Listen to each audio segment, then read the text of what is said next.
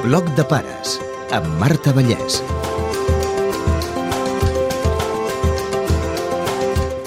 Avui parlem de què fem quan ens demanen un gos. Ens aconsella la Sílvia Serra, presidenta de la Societat Protectora d'Animals de Mataró i també alguns gossos que hi viuen. El perro dónde está? El perro no se encuentra.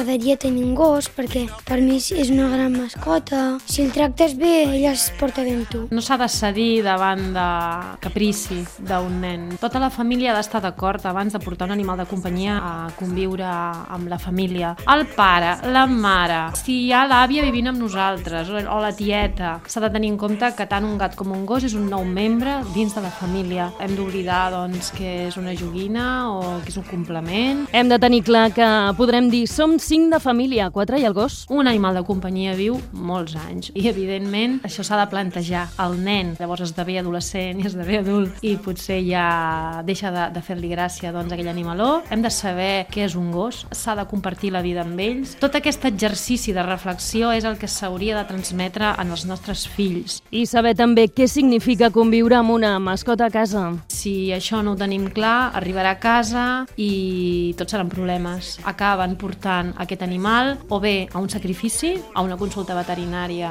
on l'eutanasiaran, a l'intercanvi a una altra o família o a vegades allò que diuen el deixo al pagès de torno, que no vull dir que no els tinguin bé, però potser si és un animal que ha crescut des de cadell amb l'entorn familiar, si tu el deixes com a gos de vigilància a l'aire lliure, doncs aquest gos patirà moltíssim o bé poden acabar en els centres d'acollida com nosaltres o a vegades els deixen al carrer o a la muntanya a la seva sort. Precisament va ser a la muntanya on van trobar en Bosch, que és el gos de la Dora, un animal preciós i juganer, especialment si veu un micròfon de color groc, se'l volia menjar. Teníem una gossa que es deia Taca i es va morir. I bueno, vam dir, ja cap més. Un dia ens truca el veterinari i ens diu, tenim un gos molt maco i si no el vens a buscar, anirà a la gossera. I jo li vaig contestar, ara ja ens has tocat la fibra, ja te'l venim a buscar. I el vaig anar a buscar i no em pensava que fos tan maco. I després ells em van explicar que van anar amb una revisió a un pagès i al passar per un camí van sentir plorar i van mirar i estava dintre un forat, estava en un forat que no podia sortir i ells el van rescatar. I al donar-me'l i explicar-me aquesta història, doncs com que es va trobar en el bosc, li van posar bosc. I en bosc és molt bo,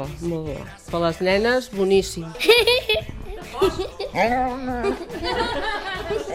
Amb la Sílvia parlem al despatx de la protectora. Ens acompanyen quatre o cinc gossos dels més reservats. Tenen por de les persones. Van arribar després de males experiències. Síria, reina, que olores. Aquesta tenia pànic, va venir maltractada, amb les cames trencades, horrorosa. Té pànic a la gent. Tenir un animal suposa un compromís i també despesa. S'ha de pensar tot abans de decidir. A part de l'alimentació, que diàriament se'ls ha de donar l'aigua, que és el que tothom té molt clar, el gos té uns passejos, ha de sortir, ha de fer exercici, igual que els humans. I després ve el pitjor, que són les despeses veterinàries, que en aquest aspecte ningú, ningú se n'en recorda fins que l'animal es posa malalt. Si un animal te l'atropellen, si es fa ballet i té un tumor, si l'han d'operar d'alguna malaltia, si té una al·lèrgia... Dona amb feina, però també molt d'efecte. Ser un nen i créixer al costat de qualsevol tipus d'animals ja és una riquesa per si sola, conviure amb altres espècies. Això fa que tu tinguis més respecte per la vida, més respecte per la natura i que empatitzis més també amb els éssers humans. Són amables i acollidors, veureu, no ens volien deixar soles. Bueno, aquí tenim els nostres companys que obren la porta. La relació amb els gossos pot ser tan intensa que aconsegueixin treure del seu món nens amb problemes de comunicació. Casos de nens autistes que són capaços d'expressar emocions amb gossos i no són capaços de fer-ho amb persones. Evidentment, un gos no et demana res a canvi. Et demana equilibri, pau. I un nen pot trobar el seu equilibri gràcies a, a un gos. El gos sap compensar molt bé a vegades aquests desequilibris emocionals que tenim. Els nens també han de saber que tindran feina. Hi ha un ésser viu que depèn d'ells. L'has de posar a menjar, l'has de treure a passejar. El llit del gos està brut. Mira, s'ha fet una caca aquí, recull-la. I sembla que, de fet, ja ho saben. Si té les seves necessitats, si vas pel carrer li tens que recollir les caquetes, li tens que banyar, el tens que donar de menjar... Encara que tingui feina, és un gran animal de companyia, que m'agradaria tenir més a casa. Si és el primer gos a la casa, millor que sigui jove. No tots els gossos estan preparats per estar convivint amb nens nens, perquè evidentment la inseguretat que tenen els nens, estan aprenent, s'equivoquen, poden tenir gestos a vegades bruscos. Per un nano, el millor seria introduir un cadell, sobretot si és el seu primer gos. També és que puja amb ell, s'acostuma també a la manera de ser del nano i hi ha com més seguretat no? de que l'adopció sigui un èxit. El perro es un compañero en quien se puede confiar, no lo ha de desamparar, por más que peligre el cuero.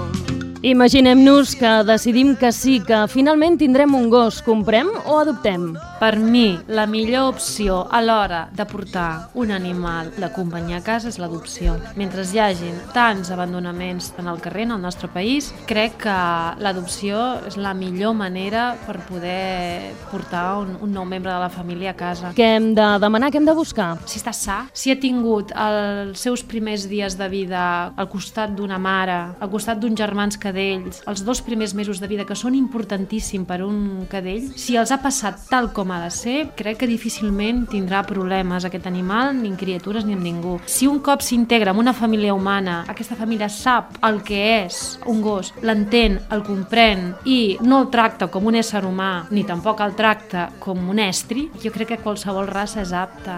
I mai, mai equiparar aquest animal a un humà, perquè és que no ho és. O sigui, tots els gossos venen del llop. Gossos com el llaurador, el golden, el bulldog francès o el beagle són alguns dels que millor es relacionen amb els nens, però si volem una raça concreta... Si tu vols un gos a la carta amb un físic en concret, hauràs d'anar a comprar-lo. Això cada qual. Pensa que hi ha gossos que esdevenen una moda. Què passa quan una família ve a la protectora i vol fer una adopció? Parlar amb ells, els hi fem una entrevista, si han tingut gos, si no n'han tingut, si algun nano té por, si hi ha al·lèrgies, les al·lèrgies també són un punt important. Molts abandonaments són causats per les al·lèrgies. I si tirem endavant, aleshores el que fem és presentar-los els perfils de gossos que tenim que creiem més aptes per estar amb criatures, que normalment han de ser gossos bastant equilibrats, que no hagin tingut maltractes, que estiguin molt sociabilitzats. I a la protectora ens asseguren... Tenim els animals controlats sanitàriament, tenim especialistes en educació, etòlegs, els animals van identificats, els entreguem esterilitzats, no tenim gossos perillosos, tenim gossos guapos, tenim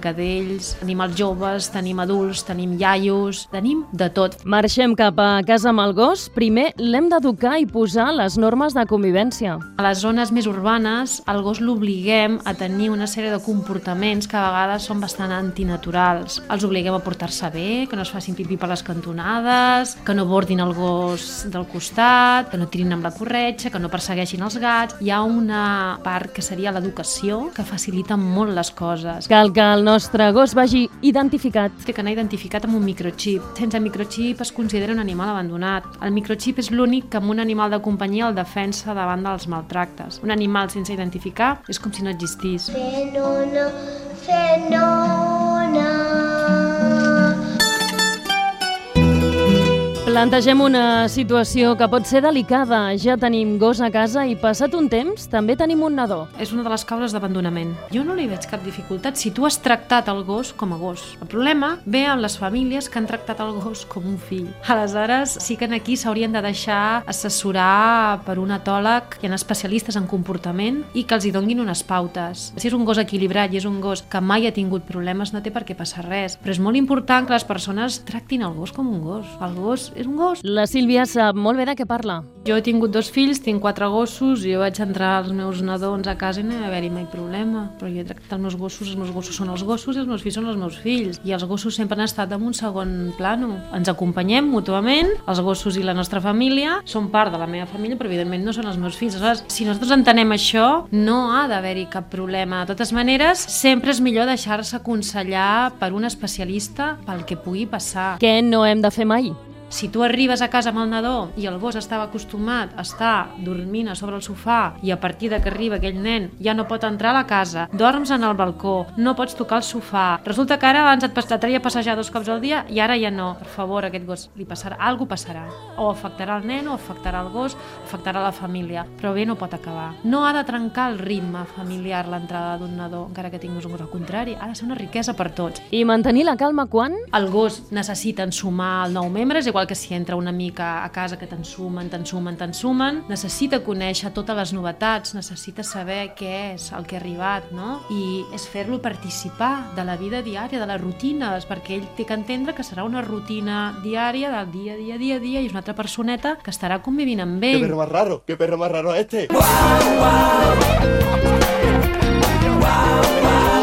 I si la decisió és finalment que no veiem clar tenir un gos a casa, també podem apadrinar. S'apadrinen els animals de difícil adopció, dins una campanya que en diem els que ningú vol. Gossos que són vells, que no són massa guapos, que poden tenir algun defecte, que han estat maltractats, o algun gos que té una malaltia crònica. L'apadrinament dona dret a la persona a venir a visitar el seu gos, el pot treure a passejar i pot venir amb els nanos. És ajudar-lo, pensar que aquell gos depèn de tu, intentar difondre la seva foto, intentar donar-lo a conèixer als amics i venir-lo a passejar en el centre d'acollida, portar-li algunes llaminadures, portar-li un llitet, portar-li algun regal, alguna joguina i començar a crear un vincle doncs, amb el seu apadrinat. I també hem de tenir present que Si se senten bé, estarà, el gos està bé. Quan no porta problemes, que dic jo, que no destrossa, que no borda per bordar, quan el gos el veus relaxat, és que el gos està feliç. Si un gos no està bé, et provocarà algun problema. Però és que això traspasso les persones, és el mateix. Si té algun problema és que hi ha alguna que no encaixa amb el teu tipus de vida, amb l'estrès que viu la família, amb crits, amb sorolls... Eh, el gos necessita companyia i estabilitat, sentir-se segur, igual que un nen. Yo quiero tener un perro. Si vols saber més coses, pots consultar la pàgina d'internet protectoramataró.org o bé de la que tinguis més a prop de casa i també consultar un criador o un veterinari de confiança. Pel·lícules d'amistat entre nens i gossos com Mi perro es Kip, El perro sonriente o Siempre a tu lado Hachiko i contes com Amelia quiere un perro, que explica com una nena segueix una estratègia per aconseguir que els pares finalment li comprin un gos. I és que el gos en poc t'ho dona tot. És que t'ho dona tot. Només li falta somriure. Què t'acaba d'entrar? la petitet, Mort de por. què passa, petit?